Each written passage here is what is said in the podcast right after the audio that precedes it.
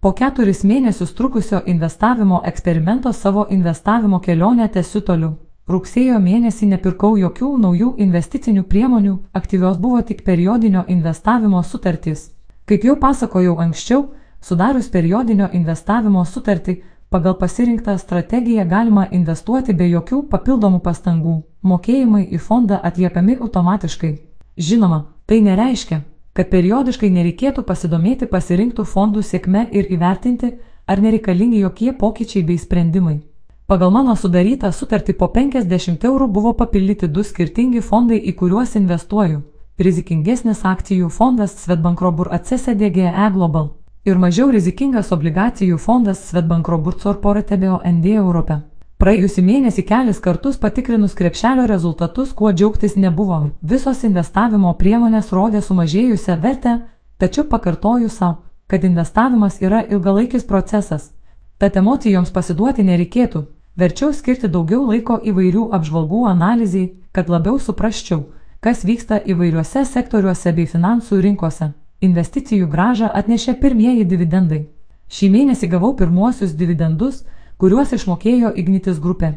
Liepos mėnesį įsigijau keturias Ignitis grupės akcijas, kurių viena kainavo 20,25 euro. Kadangi akcijų turiu nedaug, dividendų suma taip pat yra labai maža - 2,18 euro. Tačiau vis tiek buvo smagu juos gauti, ypač matant, kad krepšelis šiuo metu pelno negeneruoja.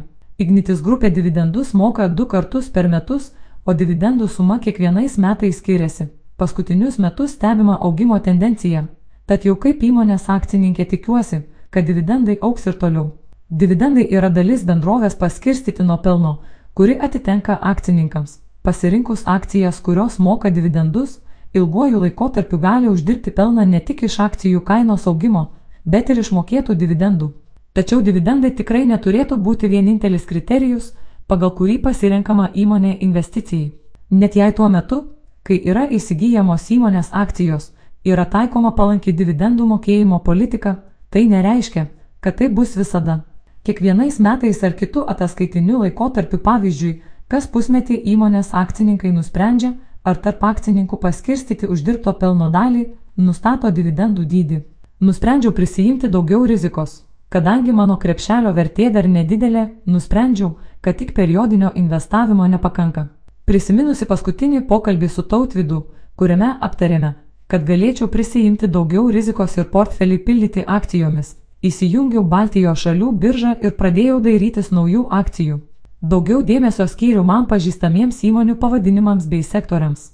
Investuojant į akcijas savarankiškai, supratimas apie sektorių bei jo žaidėjus, privalumas, nes leidžia daryti labiau informuotus pasirinkimus ir sprendimus. Pasiskaičiusi keletą apžvalgų nusprendžiau, kad šį mėnesį įsigysiu estų atsinaujinančios energetikos įmonės Senefit Grand akcijų.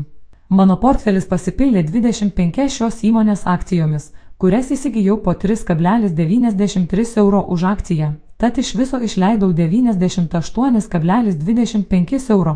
Enefitgren, kaip ir Ignitis grupė, šiuo metu taip pat taiko dividendų politiką, tad kitą met galiu tikėtis gauti dividendus jau iš dviejų bendrovių.